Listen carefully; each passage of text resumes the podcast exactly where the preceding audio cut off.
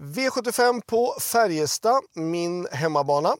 Eh, självklart kul att V75 kommer hem till stan och eh, vi ska försöka göra så gott det går. Eh, jag tycker den här omgången är lite klurig. Klurig med spikarna, inte någon sån här supertunga, tycker jag, säkra spikar på något sätt och vis, utan en intressant V75-omgång. Vi börjar V75 1 då nummer 2 Always a Pleasure har en bra uppgift tycker jag.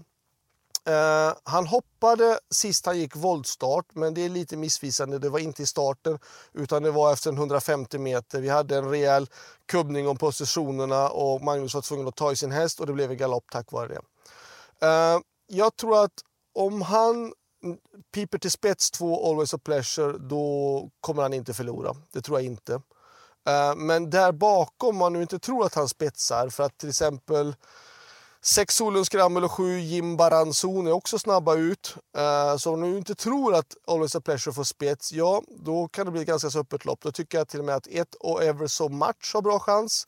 7 Jim Baranzon, 8 In Love Me Russ, 9 Global Delayed, 10 Valatonian och 11 Peter Pan. Peter Pan vill jag meddela på att det är uppåtform på honom. Han känns fin, han har fått gått framåt med loppen i kroppen senast och han känns mycket rappare och piggare.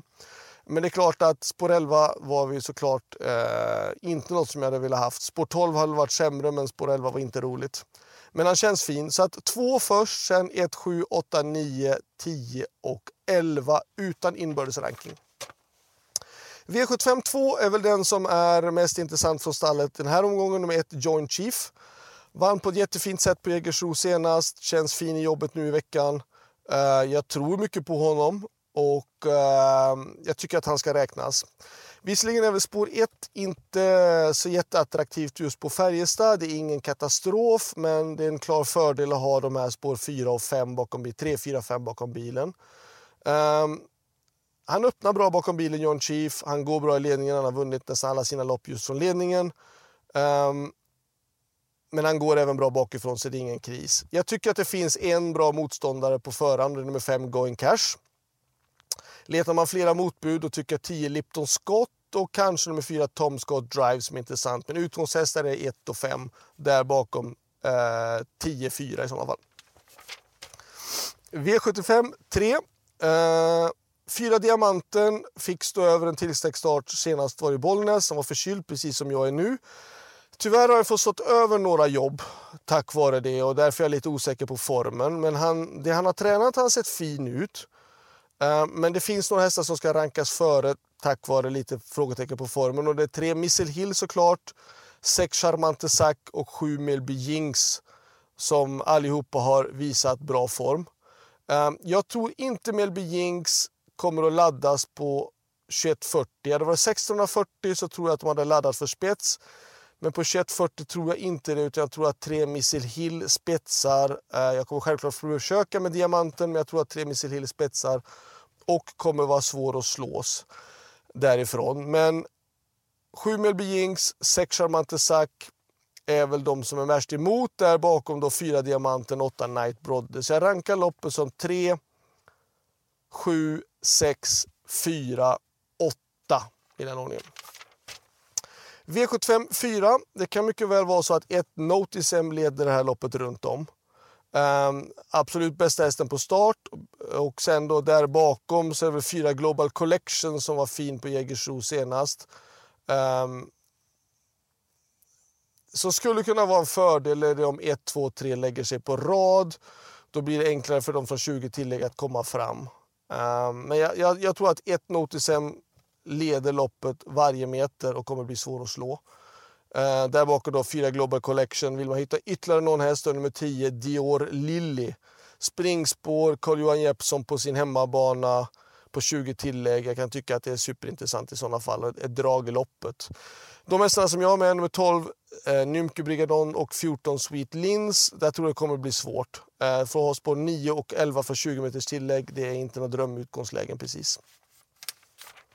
V75 5. Eh, jag tror att sex, fem Ture LA spetsar och kommer leda väldigt länge. Eh, men sex Imperator Am ska rankas först för det är en kanonbra häst.